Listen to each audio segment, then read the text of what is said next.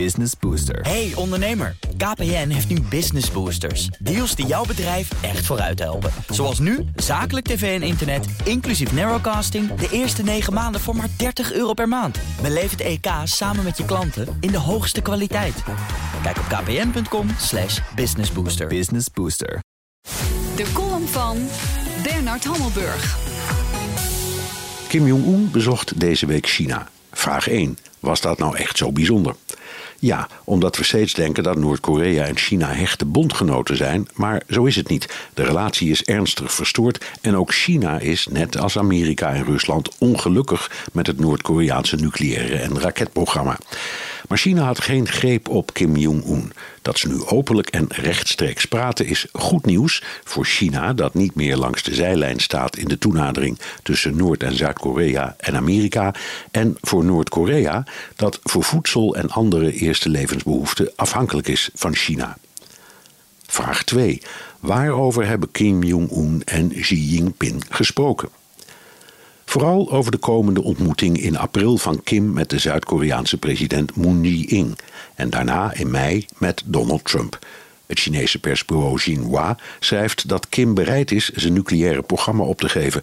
Maar als je de tekst goed bekijkt, zie je meteen de beren op de weg. Want Noord-Korea wil dat Amerika hetzelfde doet, dus ook nucleair ontwapenen. En Kim eist dat Amerika de garantie om Zuid-Korea ook nucleair te beschermen opgeeft. Vraag 3.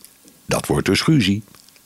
Daar ziet het wel naar uit. Aan de andere kant, toen voorafgaand aan de Olympische Winterspelen de uitdrukking Vredesspelen de ronde ging doen, klonk overal hoongelach. Het was naïef om te denken dat de horkerige Kim en Trump ooit nader tot elkaar zouden komen en iedereen sprak over de Derde Wereldoorlog.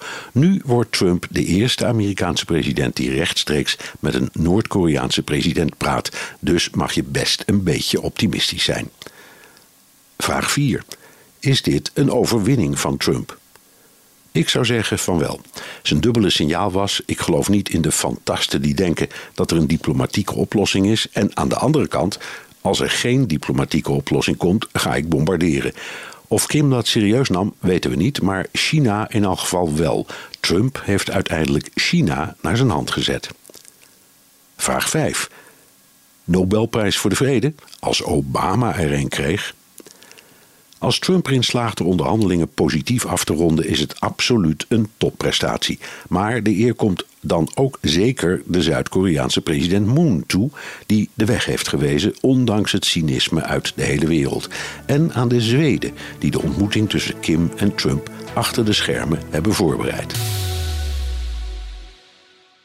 Business Booster. Hey ondernemer, KPN heeft nu Business Boosters. Deals die jouw bedrijf echt vooruit helpen. Zoals nu, zakelijk tv en internet, inclusief narrowcasting... de eerste 9 maanden voor maar 30 euro per maand. Beleef het EK samen met je klanten in de hoogste kwaliteit.